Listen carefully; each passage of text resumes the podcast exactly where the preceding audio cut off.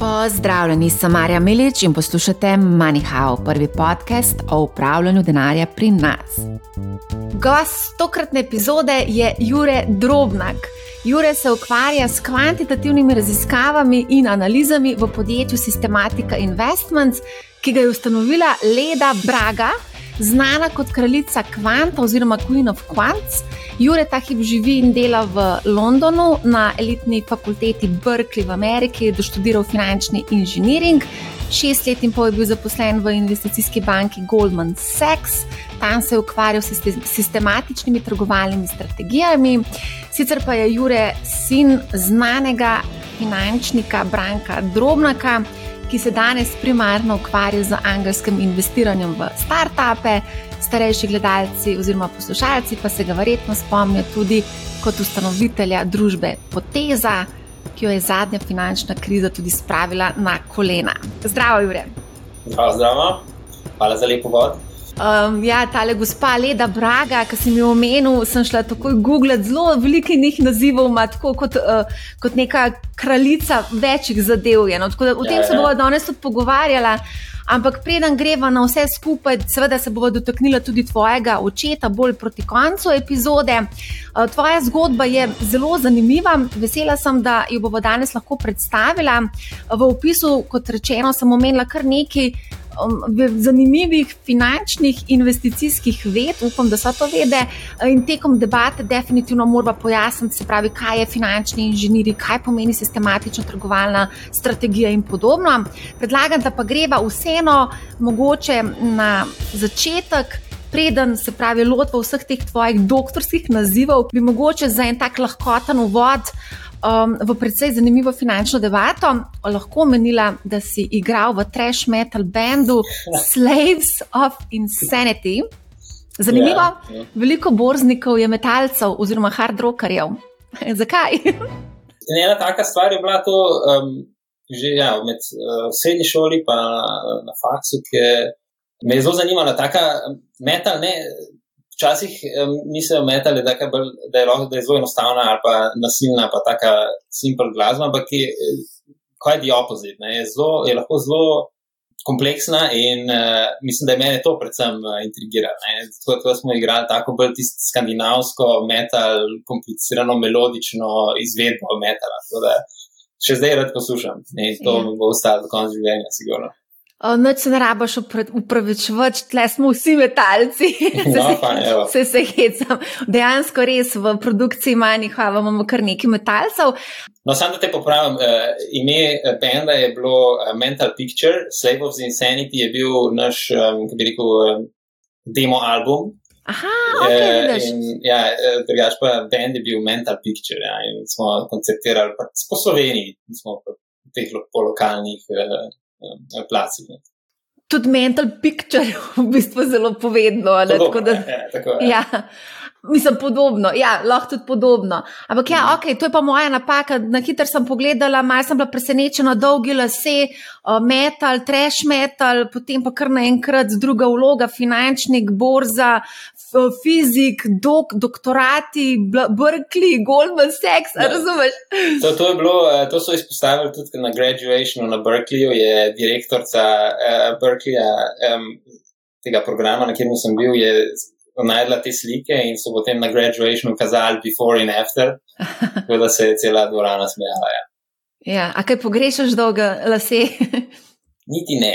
Ne, velike dela, velike dela z njimi. Velike dela, se strinjam. Ja.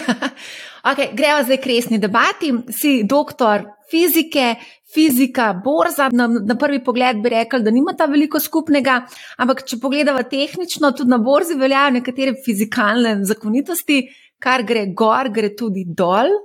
Ja, A je ja, tako? Ja, ja, ja.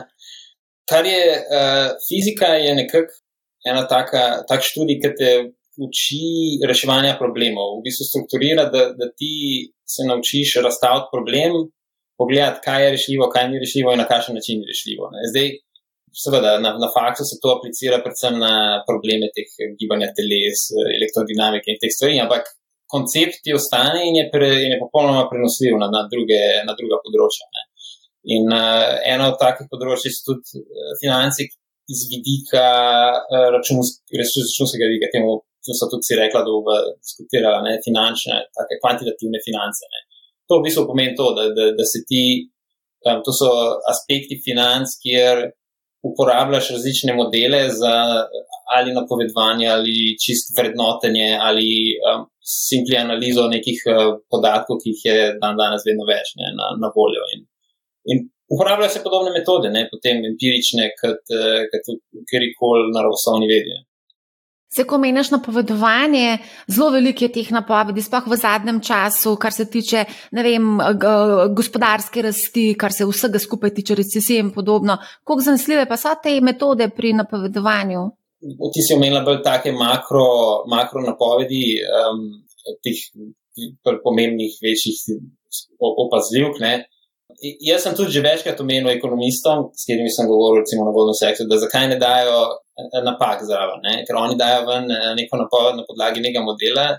Če si kakorkoli kvantitativen, veš, da je pri tem pripišeš tudi napake. Te napake so ogromne in jih imajo, ampak jih ne, nekako ponovadi se ne govori. Tako da to niso zelo, po mojem mnenju, to niso zelo natančne ne, meritve to, oziroma napovedi.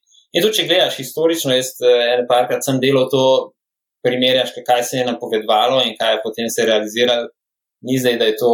Um, ni crystal ball. Ne? Tako da težko mhm. je ujeti, v bistvu, kar lahko narediš na podlagi tega, kar imaš. Nekako uh, pošpekuliraš, uh, napoveš v, nek, v nekem rangeu, in, in, in, in to je to. Ampak moraš biti pa adaptiven, vedno. In, in se zaveda, da jutri lahko pridejo ven nove informacije in, jih, in se moraš prilagoditi. To, je, to je važno, da si, da si, um, hiter, da, da si hitro um, adaptiraš. Ja, se to na Bloomberg terminalu lahko spremljaš, te napovedi in potem tudi, koliko mm. so v bistvu zgrešili, oziroma procentualno, koliko krat so v bistvu zadeli, če ti mu lahko tako rečem. Ne. Ampak ja, yeah. konstantno se napovedi popravljajo, updateajo z novimi informacijami, ki pridejo ven. Ampak dobro, gremo mi dva nazaj na ta finančni inženiring, pa na uh, Berkeley v Kaliforniji. Mogoče lahko za začetek, preden gremo na Berkeley, spoh pojasniš, zakaj finančni inženiring in kaj spoh finančni inženiring pomeni. Jaz mislim, da se je to nekako začelo, po mojem, tam v enih 80-ih, 90-ih, ko se je začela bolj resno um, razvijati ta industrija iz, izvedenih produktov po bankah. Ne. To so bili, je bil razcvet raznih teh derivativov, opcij, um, futuresov in tega. Ne. In uh, nekakšen inženiring, zato ker to so produkti, ki so jih banke prodajale, ki v bistvu si jih moraš zgraditi na nek ne, v bistvu na matematičen način in jih ni enostavno, in jim ni enostavno določiti cene, po kakšni, kaj je fair cena za tak produkt. Ne. Tipičen primer, ampak to je zdaj, seveda, ta današnji že čist uh, vanila stvar, so, so kol pa put opcije, ne, in Black Scholes uh, model, ki, ki pove, kaj je nek fair price, under certain assumptions, ne, um, za, tak, za tak produkt. Pole pa to šlo, seveda, way beyond, ne, um, govorimo o mortgage-backed securities, ki kot vemo, ne, 2007-2008 ljudje niso več vedeli, kaj sploh, uh, kako bi vrednotili te stvari, pa so, jih, pa so bili del, te, del ekip, ki so jih sestavljali. Ne. In je to, ja, to je, se je razpasel kar v en tak, ja, neko industrijo skoraj, ne, um, takih izvedenih produktov. Inženiring, ja, mislim, da je prišel od tega, ne, v bistvu grajenja bolj takih uh, izvedenih produktov in vrednotenja. Zdaj, v zadnjih Eh, letih, pa mogoče desetih letih, pa vsaj po teh programih, ki se nazivajo za finančni inženiring, se manj fokusirajo na ta aspekt, ker je tudi ratov precej manj popularen, ampak se fokusirajo na data. Um, in kako v finance prenesti AI um, za najrazličnejše napovedi, um, kakšne metode, na katerih podatkih, kaj vse se da iz tega ven izvleči je to precej bolj dominantno, rater, kot se mi zdi no, v teh programih. Tudi, ko spremljam, kako se kurikulumi njihovi spremenjajo. Zdaj je, se zdaj nagiba precej bolj v, v AI, pa machine learning in te stvari, ne? in aplikacijo tega v finančne, tudi produkte, pa strategije. Ne? Potem se bomo mogoče malo več dotaknili tudi tega, ampak da greva vseeno stati uh, pri tem, pri fina zakaj, fi uh, zakaj finančni inženiring? Kaj je tebe iz do, ti si doktoriral iz fizike. Ja, ja. Kaj, kaj, kaj, kaj se ti je zgodilo, da si še potem na finančni inženiriji, ki se je tako žaljivo? No, ampak... Ja, ne, ne, čist uh, fair question. tako je bilo, no, se je zanim, kar zanimiva zgodba. V bistvu sem med študijem, med doktorskim študijem, sem bil, uh, sem precej časa preživel na Berkeleyju kot fizik, ja, sem hodil na Lawrence, bil sem uh, afiliat na uh, Lawrence Berkeley Lab, to je nad Berkeleyjem, nad kampusom, gor je tak amazing laboratorij in tam sem bil šest mesecev. In uh, to je bil proti koncu mojega doktorskega študija. In takrat sem hodil tudi malo po kampusu, pa um, sem prišel na, na čisto slučajno na en event tega Masters in Financial Engineering. Čisto zato, ker nisem vedel, kaj naj bi to bilo. To je pa, šo, to je pa Haas Business School, ima ta program uh, Masters in Financial Engineering. In sem šel, je bil information session in sem šel pogledat, da vidim, kaj to je. Čist, uh, zato, ker nisem imel kaj početi tisto popoldne ali večer. Ne? In sem šel tja in sem začel tam o nekih formulah, matematika, gor dol. Sami neki fiziki so bili tam, uh, so, pre, so razlagali modele, kako kaj delajo, in tako iz BlackRocka, pa iz Goldman Sachsa.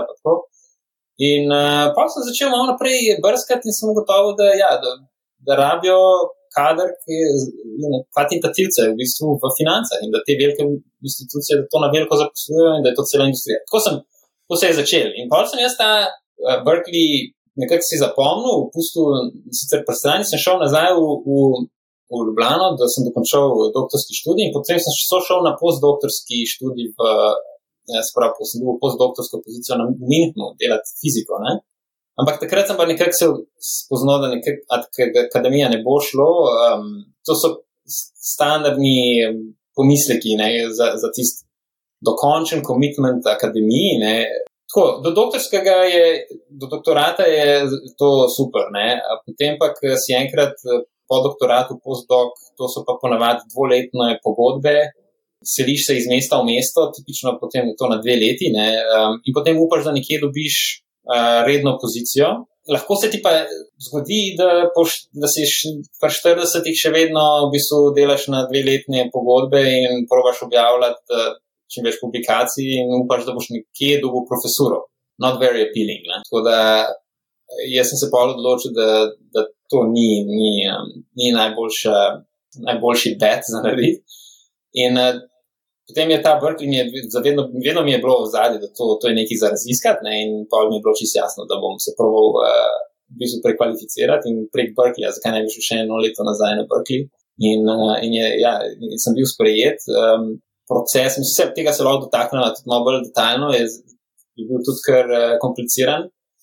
Um, ampak ja, se vse sem se super iztekel. Program je eno leten, tako da v bistvu niti ne izgubljaš ne, preveč tiste uh, karierne um, časovnice, tako da je bil super fit za me, no se mi zdi.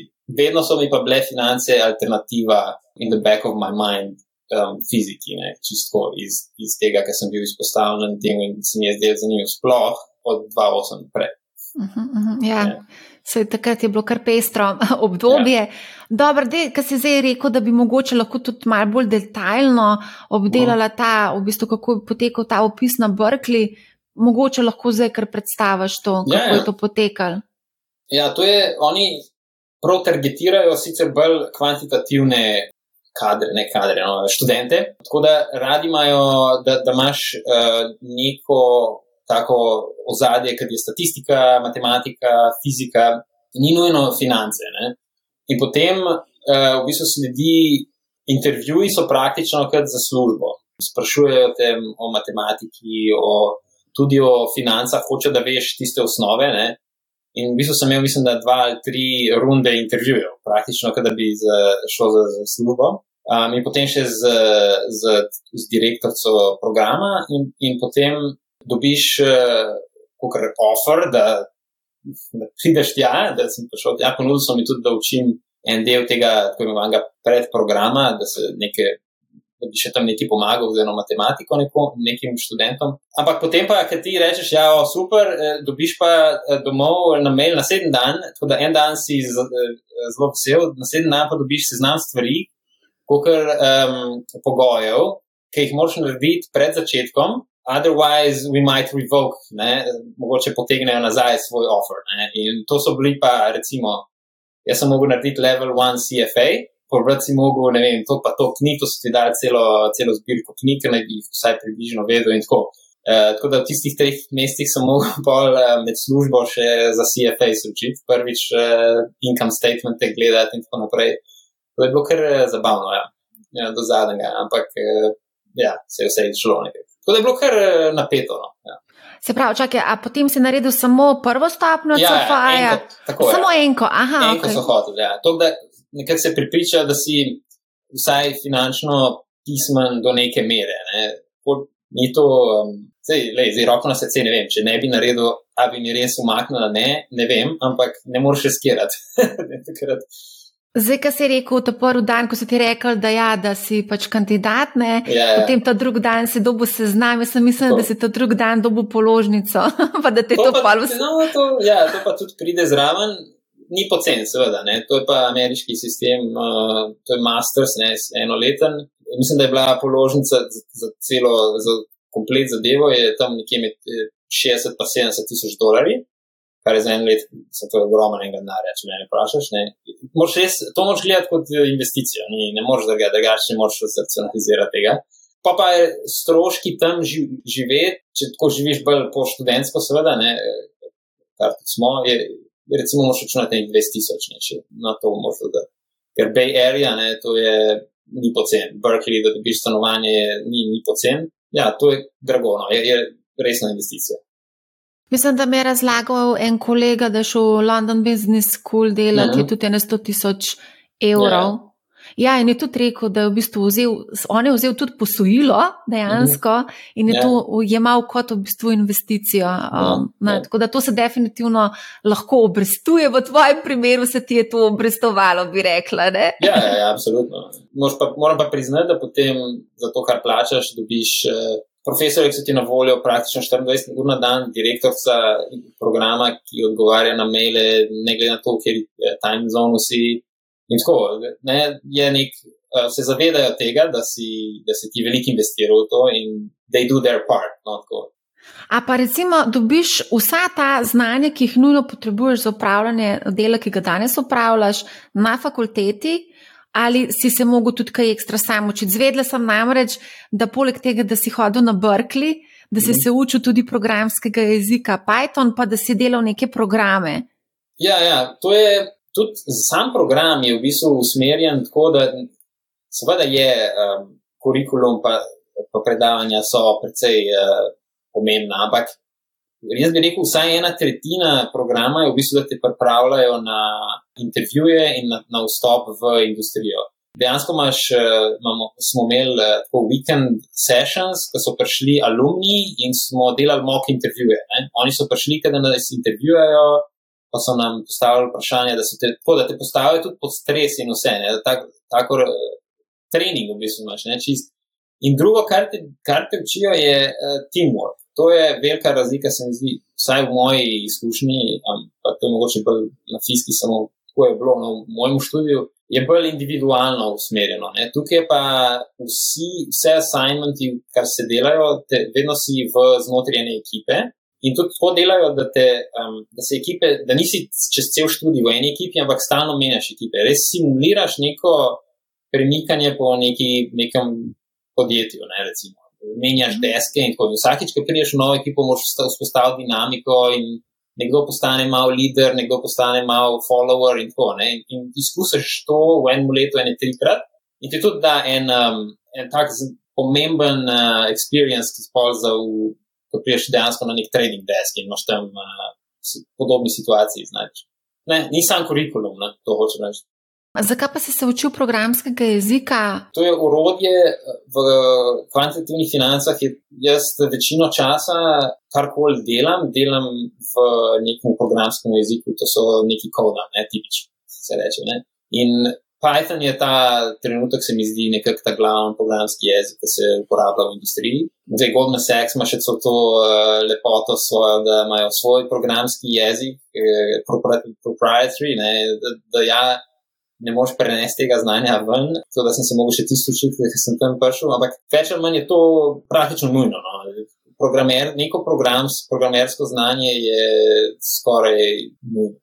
No, to, pa bova to mogoče še enkrat malo budila, ko bo prišla mm. do kriptovalut in blockchain tehnologije. Ampak dobro, gremo naprej. Se pravi, ko si ti v bistvu zdaj zaključil s študijem na Berkeleyju, koliko ponudb za službo si dobil? Pri večjih teh investicijskih bankah, recimo, ali pa na hedge fundih. Ja, to je tako. Jaz sem imel še znotraj programa, imaš v bistvu pol tri mesečen internship, ne, kar spet govori o tem, kako praktično so usmerjeni. Ker sem ga delal na Morgan Stanley v Londonu.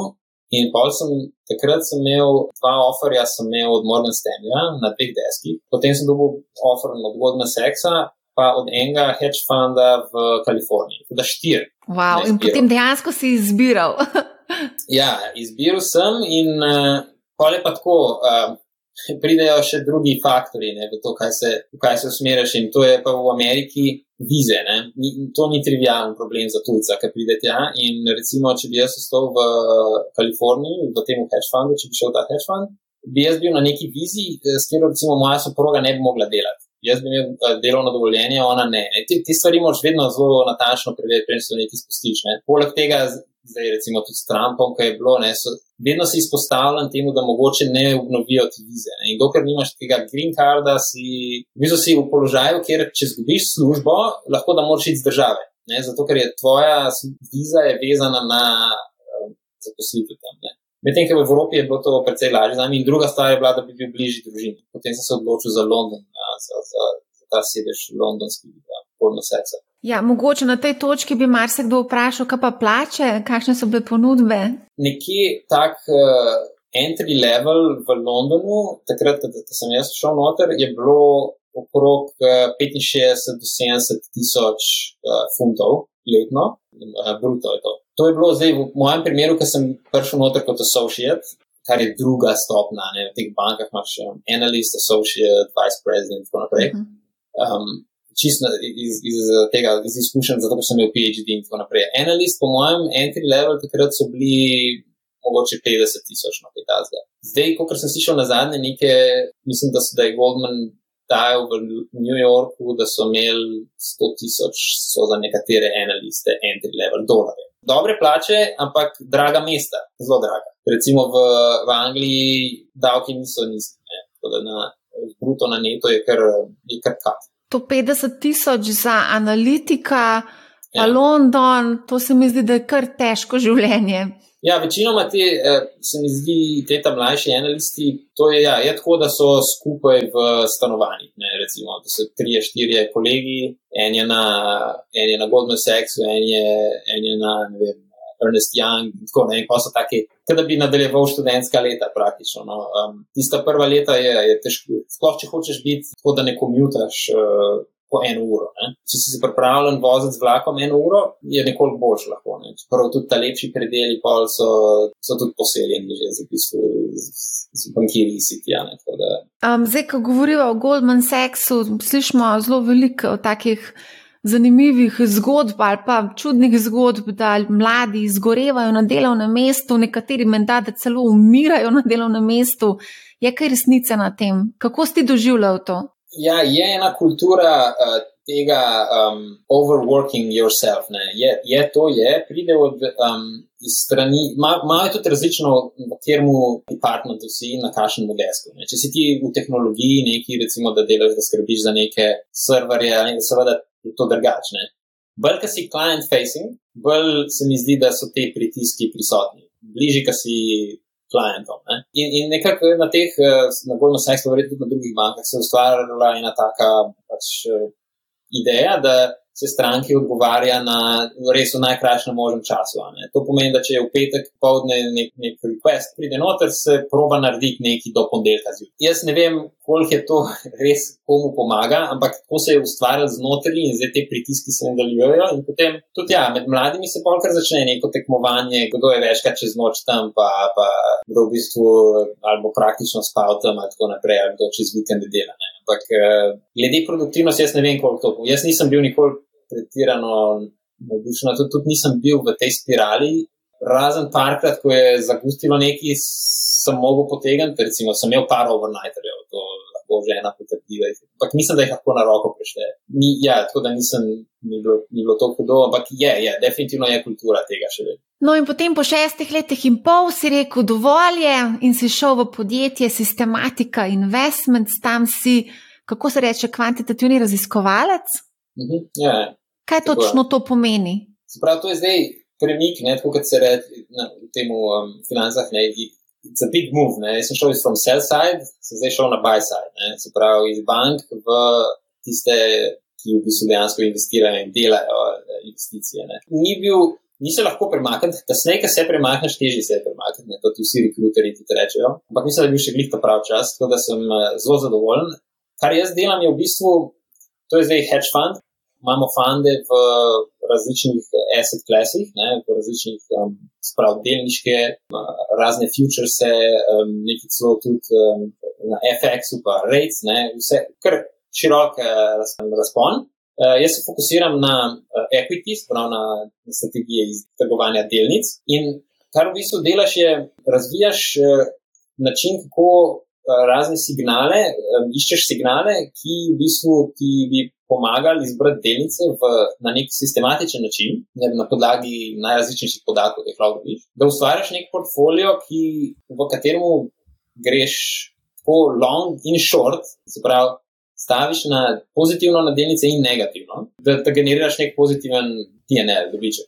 To so tako imenovane uh, market neutral long short strategije, ker želiš ti v bistvu, da si dokaj neodvisen od tega, kaj market kot celota dela. Ne? In na ideal world, recimo, te strategije bi bile imune na dejstvo, da se market zdaj že eno leto ne pobirajo, pa ne pobirajo, pa spet padajo, pa smo spet v bear territory in tako naprej. Tvoj beta, ne, ta exposure, ki se temu reče, na dom samega marketa, ne, do, do celotnega trenda marketa, ne bi bil čim nižji, ne, ti ne bi bil neutralen na te stvari. Ne. Kar delaš je znotraj teh vseh nabora te, te, tega univerza, teh delnic, probaš najti um, relativne outperformerje, pa underperformerje. To za to gre. Ne staviš toliko na to, kaj bo z marketom se zgodilo, bo šel gor, bo šel dol, bo jutri nafta šla gor, bo šla dol, pa potegnila sabo market, ampak katere znotraj tega vseh delnic. Ti lahko v, v določenih situacijah delali boljš kot nekateri. Tu, če gre vse dol, ni važen.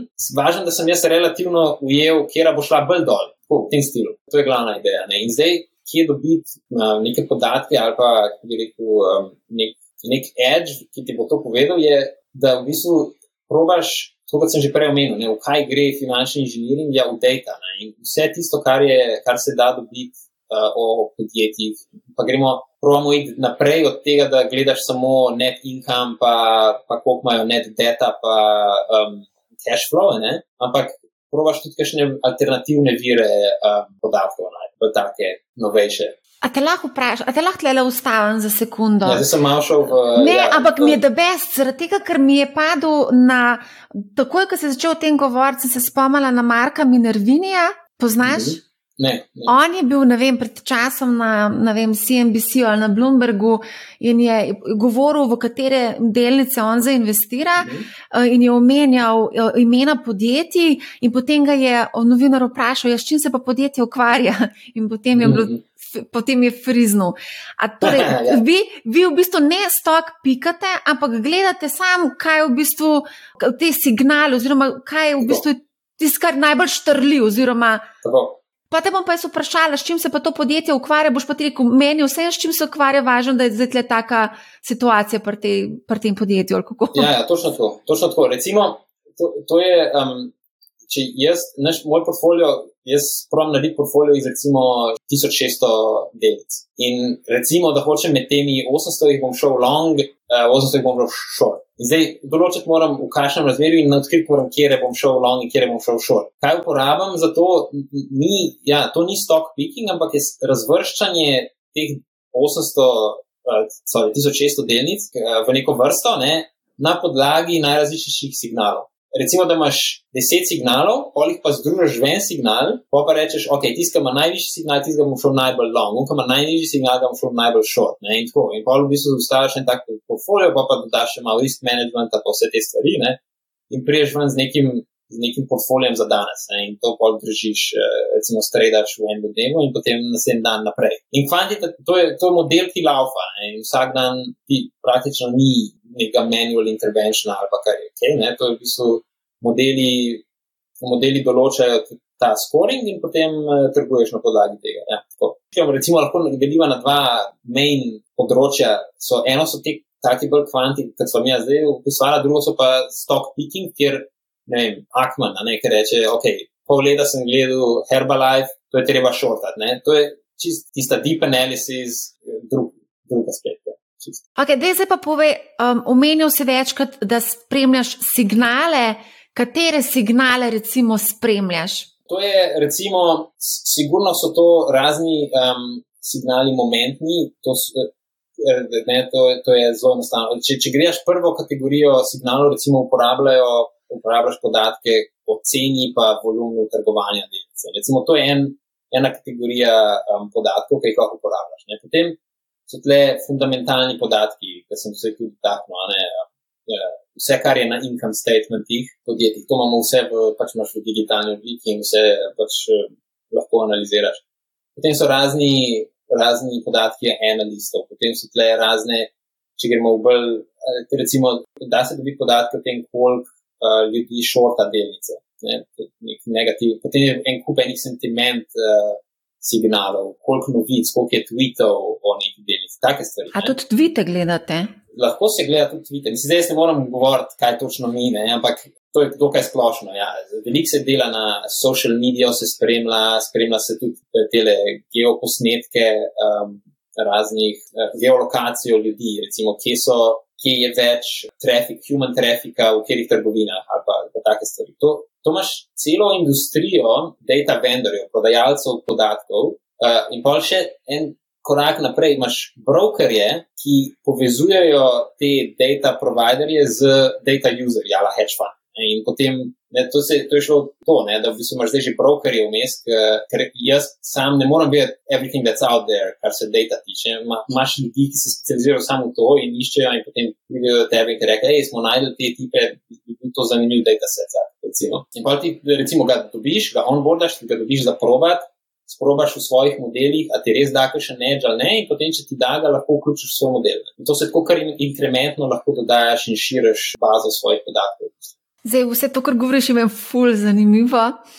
Ampak bom pa najprej te tako vprašala, kako uspešna pa je recimo taka strategija? Ja, mislim, načeloma je, targetiraš lahko, da je reči, ni unimaginable, da so to nekih, eh, to so recimo strategije, kjer lahko nosijo neki, neki AUM, ne, nekaj, eh, da, da ima lahko investirano dokajšno mero denarja. No, ker moramo vedeti, ne, ti lahko narediš strategijo, pa je taka, da če boš trgoval eno milijardo, ne bo, ne bo šlo, zato ker ni do, dovolj likvidnosti. Medtem, če, če govorimo o takih strategijah, ki lahko recimo milijardo plus več trguješ, je, ne, um, na, na dnevni ravni, no se ne obrneš cele milijarde, ampak to, da imaš AUM, pol, ja, ne, sharp ratio, zdaj ne vem, bo lahko razloživa, kaj bi to bilo, okrog ena do dva je čisto realno. To pomeni, da generiraš, ja, na, ja, to pomeni, da je nekaj razmerje med, med uh, returnom in tem, koliko je rizika noter, približno ena. Pa tudi precej več. Ampak, ja. A je to primerno, da recimo bi s takimi strategijami uh, se ukvarjali tudi neki mali vlagatelji, ker tukaj vsem, po mojem, rabaš kar nekaj znanja, no? ni to tako enostavno, kot ja, mogoče. Mislim, Mogoče je stok pika celo lažji, kot to. Predvsem je, ja, mislim, lažje, eh, sigurno je lažje razumeti. Ne? Pa tudi v hedge fundih mora biti kar velika investicija, da, da lahko prideš zraven kot investitor. Um, tipični investitorji so sovereign wealth fundi, pa pension fundi, pa kakšni family offices, ne, pa take stvari. Ni, to ni za retail, niti ni zraven. Ne. A so primerne, lahko, lahko mislim, ni zdaj konceptualno, ni, je to precej manj komplicirano, ker izvedeni produkti na bankah, pa mortgage-backed securities, pa take stvari. Ne. Na koncu koncev vidiš portfolio delnic, te si long, te si short that's it. Ne?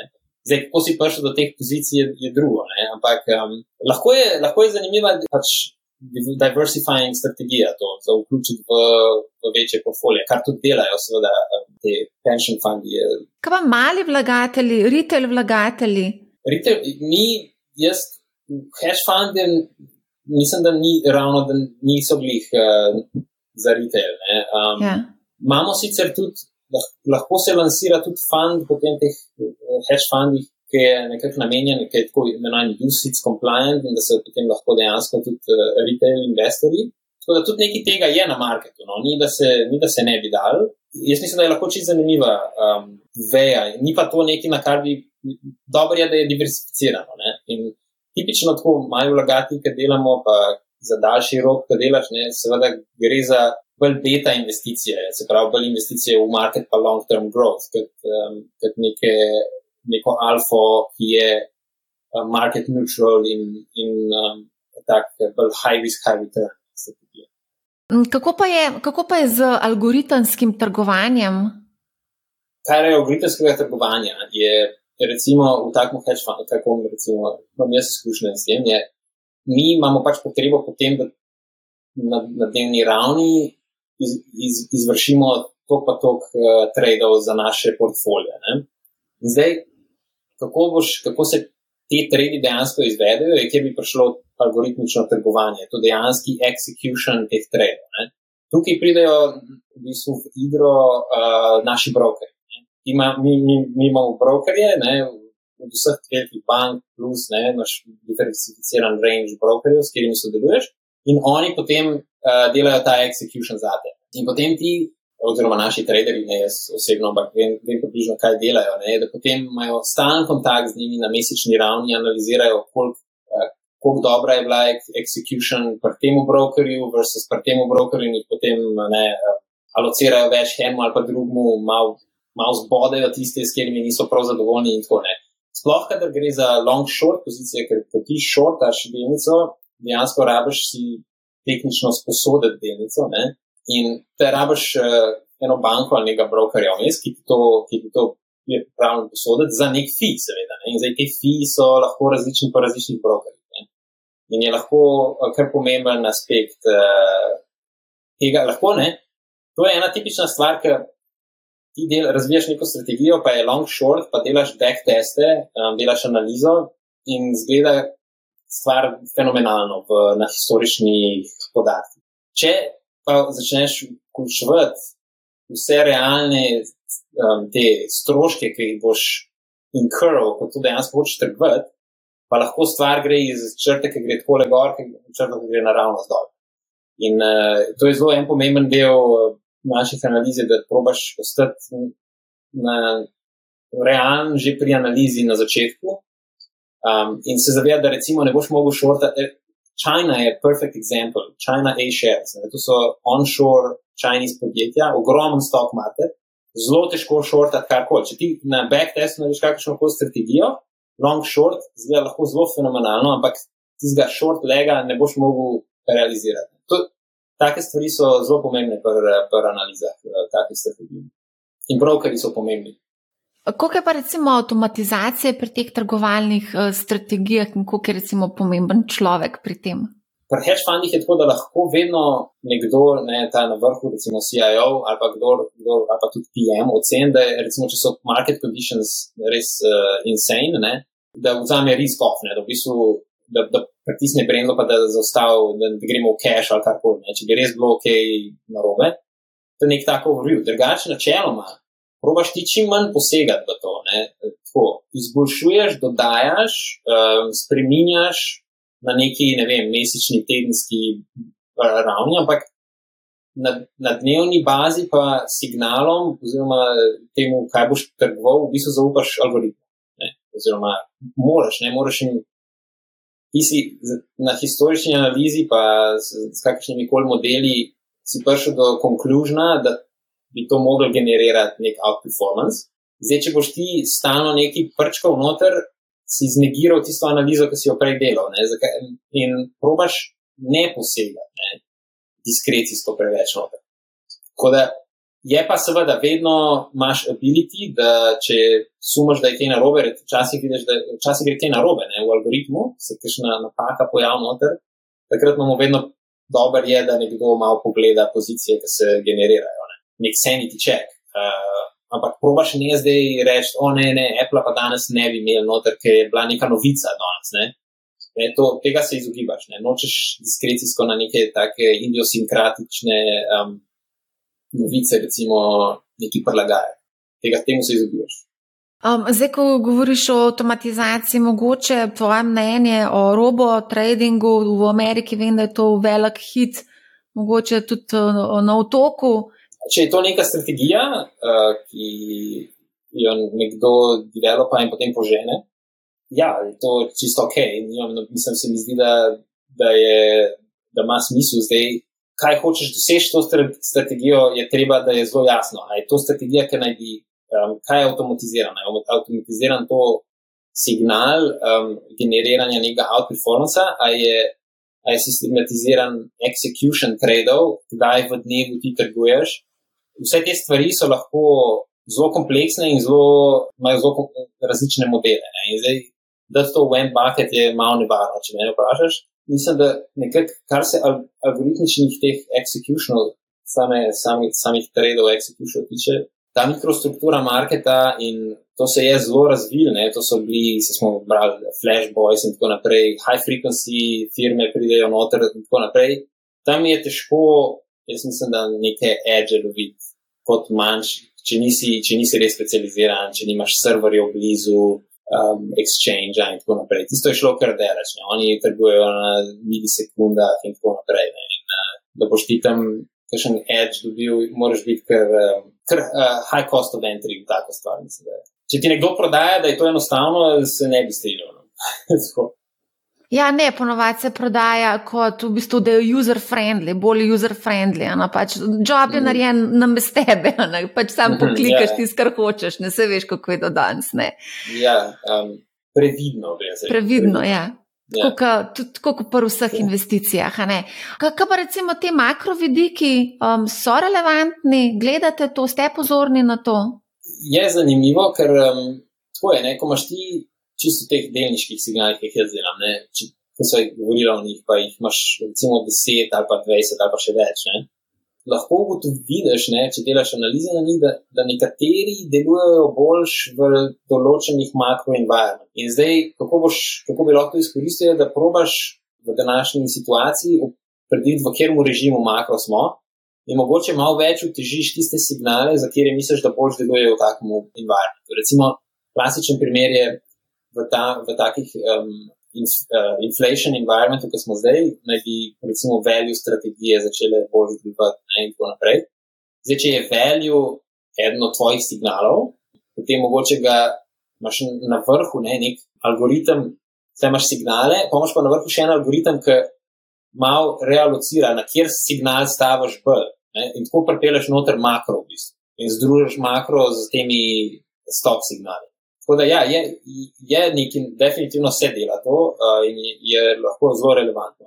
Zdaj, ko meniš povišeno inflacijo in tako veš, kakšna je situacija v gospodarstvu, da se bliža tudi recesija, nekateri pravijo, da smo že v recesiji.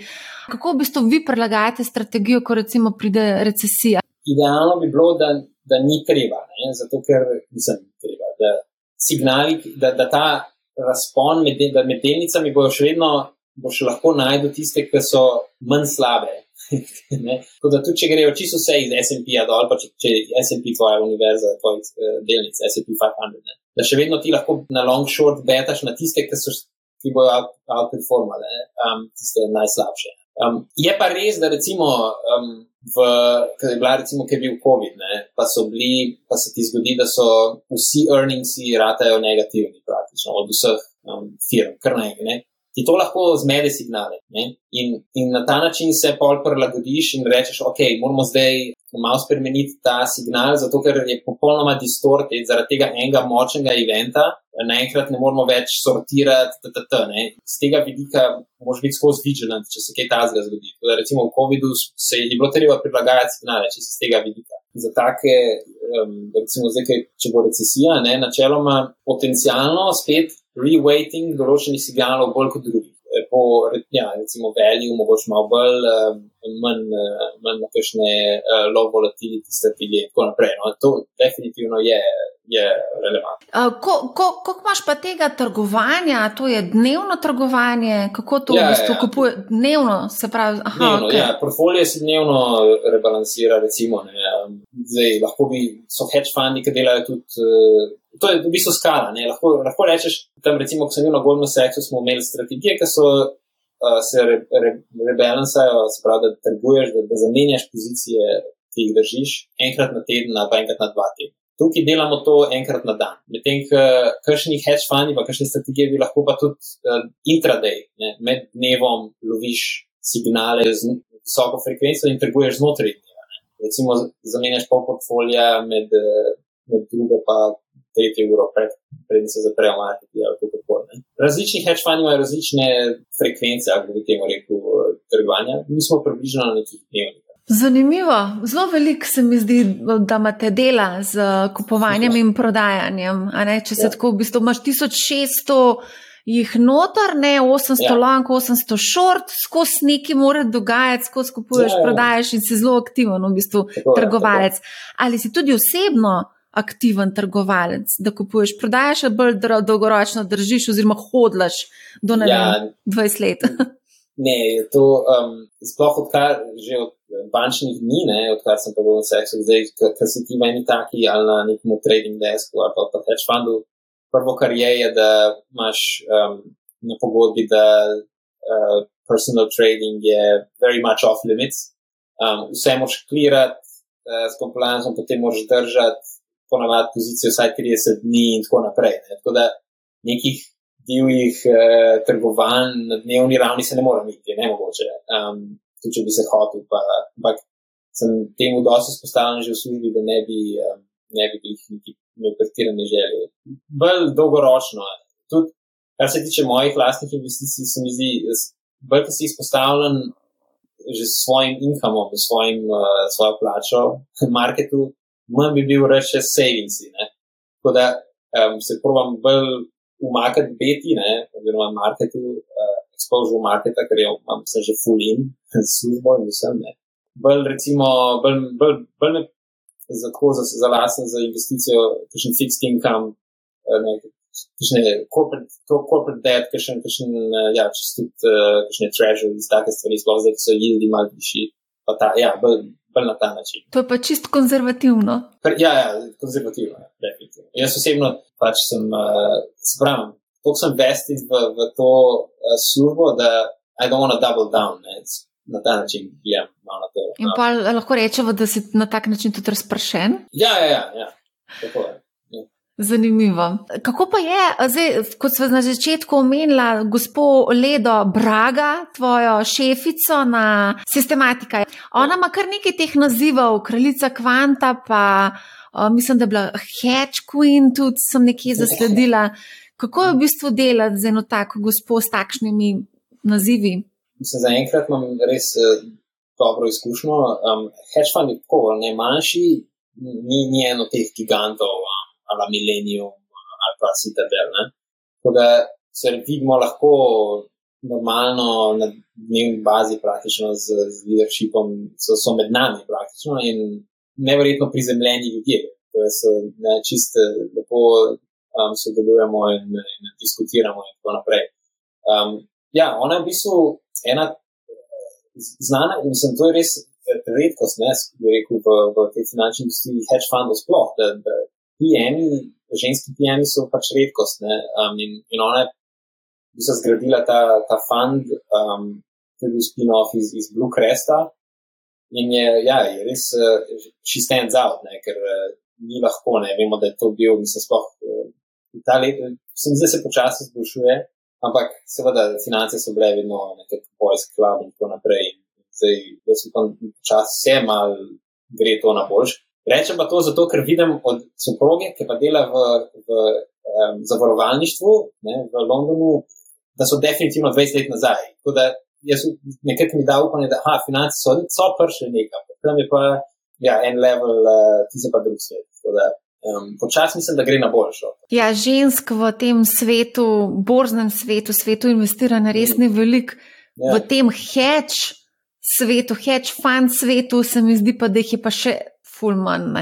Ker Ker mogoče se tudi marsikdo na te točke vpraša, ali jaz lahko kot mali vlagatelj uporabim tudi kakšno tako strategijo, se doma neki, ali obstaja kakšno urodje, da bi jaz v bistvu sestavil si sam neko svojo strategijo in tako v bistvu trgoval, kot ti trguješ. Obstaja nekaj takega za neke male ljudi? Da se, um, da se recimo, delnice so, um, recimo ne v Ameriki, imaš brokerje, ki praktično ti dajo no commission za trgovanje, da, da je zelo poceni trgovati delnice. In to gre zelo, pač ta, ta pricing je, ratuje cene in cene, ne? da, da ti trguješ delnice. Ker včasih je bilo zato ne mogoče, ker so bili komišni taki, da če nisi bil velik investitor, je bilo, je bilo težko biti profiten, kako bi trgoval. Zdaj, to se je definitivno neprimerno zboljšalo. Kar je malo težko, ne recimo za take strategije, ki jih jaz razvijam, je podatki. Ti podatki so dragi. Ti da, ti, da recimo dobiš nek, um, neke podatke o, o, o teh čist o, o, recimo o analistih ali pa o, o teh financial statementih, ne? to je lahko takoj, govorimo, ne vem, 50 tisoč dolarjev na leto. Ne? Pa to je ena, ena, ena manjših cifra.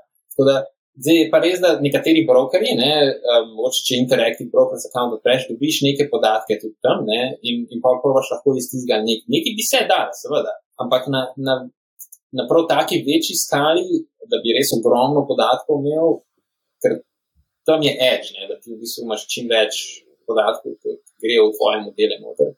Je pa teže, če si, če si mehen, zaradi tega, ker podatki stanejo. Ja, kar, ne, kar, kar velik dela, mislim, kar vem, da delajo retailerji, ne, mislim, tako day traderi in tako naprej, ne, je, da recimo trguješ po en ali pa dva finančna inštrumenta z zelo visokimi frekvencami na, ba, na bazi raznih tehničnih indikatorjev in take stvari. Ne. To je, ampak to je, ne, moraš tudi vedeti, kaj delaš. Ne. Je lahko, lahko kar rizično. Ne. A tehnično analizo si se tudi kdaj ukvarjal? Nekateri naši signali dišijo po tehnični analizi, ne, um, ker mislim, tehnična analiza za me je v bistvu, da gledaš uh, več ali manj volume, pa, pa prices, pa um, cene, pa, uh, pa volumen trgovanja, pa recimo um, bid-ask spread, pa take stvari, ki so vidne na, mark, na, na, na sami borzi, ne, na marketu. Um, Zdaj, da bi prav neke patterne iskal, pa take stvari, ne, so pa signali, ki bazirajo na tem, na enostavnih veliko na enostavnih petih. Um, vem, da nekateri grejo v kar v te divje uh, iskanje nekih divjih uh, vzorcev in tako ja. naprej. Tega ne, tega nisem delal nikoli. Um, ampak sem pa videl tudi, sem pa videl recimo papere, ki so govorili o tem, da v bistvu delaš image recognition na, na tem, kako se je delnica premikala v enem časovnem obdobju in na, pod, na podlagi nekega image recognition svašta delajo ljudje. Ja, ja, ja, ja. svašta, svašta, s tehnično analizo res ja, lahko svašta delaš. V glavnem, ja. prej si omenil, katere signale spremljate, se pravi cena, volumen trgovanja, podatki analitikov, stave na uh, upad oziroma šortanje, uh, od Twitter objave in objave na drugih družbenih omrežjih, income statement in podobno. Ne? Zdaj, če bi. Ko se pogovarjamo z raznimi kriptaši, se pravi z ljudmi, ki radi investirajo v kripto, spremljajo dosti podobne zadeve, z izjemo, seveda, income statementa. Um, ja. Kako pa ti gledaš v bistvu na kripto, blockchain in na vse, kar je v bistvu vezano na kriptosceno? Ja, mislim, kot, če ga gledaš kot asset class, zakaj ga ne bi trgoval? Sploh recimo na skršnimi tehničnimi analizami ali pa takimi stvarmi, absolutno, zakaj ne? ne? Če je likvidnosti dovolj, sploh ne. To je praktično edini pogoj, da je, da je dosti likvidnosti, da ti um, hitro trguješ, da lahko ti trguješ tiste signale, ki si jih. Tako da ni, jaz mislim, da nimamo nobenih zadržkov in tudi mislim, da hedge fundi na splošno z veseljem vstopajo v to sfero. Ne, ne, ne samo to, tudi banke. Ne, sej, uh, koliko časa se upirajo, ampak na koncu ja, njihovi deski tudi uh, zdaj trgujejo kriptote. Bolj, kaj je bolj filozofsko zdaj, kaj misliš glede uh, kripto kot dejanske neke ekonomske vrednosti in teh stvari? Ne? To je pa težje vprašanje. Ama, je, je to zdaj neka, um, so tudi kot tisti tulipani v, um, na nizozemskem, ne vem, kjerga leta 1700, ali je, ali je dejansko neka, nek smisel v tem? Ne vem. Nekaj se mi zdi, da je. Meni je bilo zanimivo, mi je zanimivo iz vidika decentralizacije, uh, ne, um, v bistvu decoupling monetary čisti ne, od, od, od države. Ampak, če tako gledam, pa se mi zdi, da je Bitcoin v bistvu edini, ki je zares decentraliziran, ker vsi ostali imajo vedno nekega strica, ki to nadzoruje. In pa se sam premaknil iz enega na drugega na en način. Ne. Vedno je nekdo, ki je kontroliran. In vse, kar prej lahko pride država, pa prime tizga za glavo, pa reče, ok, ne, zdaj bomo pa mi to prevzeli. Ne. Ali tako nekaj. Ne. Če poenostavim. Medtem, ko Bitcoin je strašno zanimiv iz tega vidika, da je res, uh, ja, je res decentraliziran. No. Vem, me zanima, kam bo šel. Ja, me, me zanima. Zdaj, ja, ima problem s temi transakcijami, da jih to ne gre, ne, da to ne gre. To, to je lahko, nekako bi se mogel ta umesen sloj ustvariti. V bistvu bankirstva z dejanskimi blockchain transakcijami, potem pa nek drug, lev, drug, drug layer za res transakcije, za clearing. Ne. Ampak ja, to mogoče se zgodi. Ne, no, ne bi bilo zanimivo. Um, Sploh zdaj, ki vidimo, ne, zdaj smo spet v situaciji, ki centralne banke ne, na vse pretege probajo stabilizirati um, valute, uh, obrestne mere, ekonomije. Ne, ma, je je um, ta money market edini market, ki ga reguliramo. Vse ostalo so free markets, ampak v resnici money market pa ostaja tisti, ki je z njega vidika najbolj pomemben, pa ga pa ga vodimo centralno, ali kako bi rekli. Ja, mogoče Bitcoin je ena alternativa temu. Ja, zato, kar razlagaš, je zelo lepo predstavljeno v enem Netflixovem filmu Kriptoutopija. Ker govori Dobro. ravno o decentraliziranem bitcoinu in pa seveda o drugih coinih, eh, ki pa imajo nekoga nad, ne? o Litecoin, ja, ja, ja. Ethereum, je nek ja, ja, ja. boss, ne na koncu, mhm. ki pove, kako pa kaj. Tukaj pa mora biti konsens za to, da se nekaj premakne. Mogoče je pa tudi ja. to lahko prekletstvo bitcoina, zaradi tega, ker se v bistvu v zadnjih desetih letih, koliko se je pa kaj spremenil v samem, v samem, na samem Bitcoinu. Zdaj, če, če gre Ethereum, se mi zdi, da se je bil nek premik ta s tem mržom mm. iz proof of work v proof of stake, na se pravi, že z vidika eh, same uh, energetske potratnosti so postali bolj prijazni, Bitcoin pa še zmer yeah. Ja. veliko energije porabi za to, da v bistvu obstaja oziroma da se majna. mm. Ja, ja, Definitivno, se strinjam, ja, ja, absolutno. In pa zdaj, change je praktično nemogoč, ne? to je, mislim, zelo te, težko ne? in to te lahko te povozi, ker nisi pa hiter. You're not quick to adapt. Ja, če je elektrika rata predraga, če ne bo šlo več, bojo res to pritiskali na, na to, da se v bistvu ne sme napolno znižati porabo. Ja, mogoče se ne bojo mogli dosti hitro odločiti, pa konsensa narediti, da se nekaj spremeni. Ja, to je definitivno. No, vse to, to veš, da si bil prvi za neko tako inovacijo, mogoče ne pomeni, da boš pa tudi na dolgi rok preživel, zdaj, če sem tako malo. Ja. Če pogledamo brskalnike, ne vse Google ni bil ta prvi, ne? ali pa ne vem, mm. telefone Nokia, ki je bil ja. najboljši, ki je danes. Ali, da, ja. Ampak dobro, to je že čisto ena druga debata. Zdaj, ko si ti povedal, da v bistvu tudi hedge fundi investirajo valjda itak v, v vse te inštrumente, vključno z kriptom. Te pa jaz vprašam tako, veliko krat mali človek nasanka ravno zaradi hedge fundov, ki v bistvu tako masovno vstopijo, naredijo nek haj, potem pa masovno izstopijo in potem seveda sledi upadne. V bistvu so yeah. Ja. hedge fundi tisti, ki lahko zelo um, nekako škodo naredijo malemu vlagatelju, če lahko rečem. No, ampak eh, ni bilo glih, da ja, se je zdaj bil ta movement, ne, bilo zanimivo, ker so um, Reddit, pa te uh, revolt proti tem short sellerjem. Wall Street Bets, ja. Ja, ne. Uh, zdaj, ja, vprašanje spet, kašnim. Kakšni hedge fundi, pa kakšne strategije. Načeloma, jaz ne vidim neka taka reč, ki, bi, ki ima nek long short portfolio, ki rebalansira redno in tako naprej. To, da bi neki blazno um, distortirali. Mi tudi, mi nočemo distortirati marketa, zato ker ti če ti trguješ tako agresivno, da, da začenjaš močno premikati ceno, gre to tebi na škodo. In ti hočeš biti, ti hočeš biti v bistvu v trgovanju mehen na, na skali celega marketa. Zato, ker enostavno nočeš eh, marketa pojivati proti sebi. Če jaz hočem eh, preveč agresivno trgovati, mi bo to poznal na moji, na moji bom sam sebe ceno nižal. Tako da večina hedge fundov, jaz mislim, da se, da se temu definitivno izogiba. Zdaj, problem je, da problem mogoče nastane do neke mere lahko, kadar je.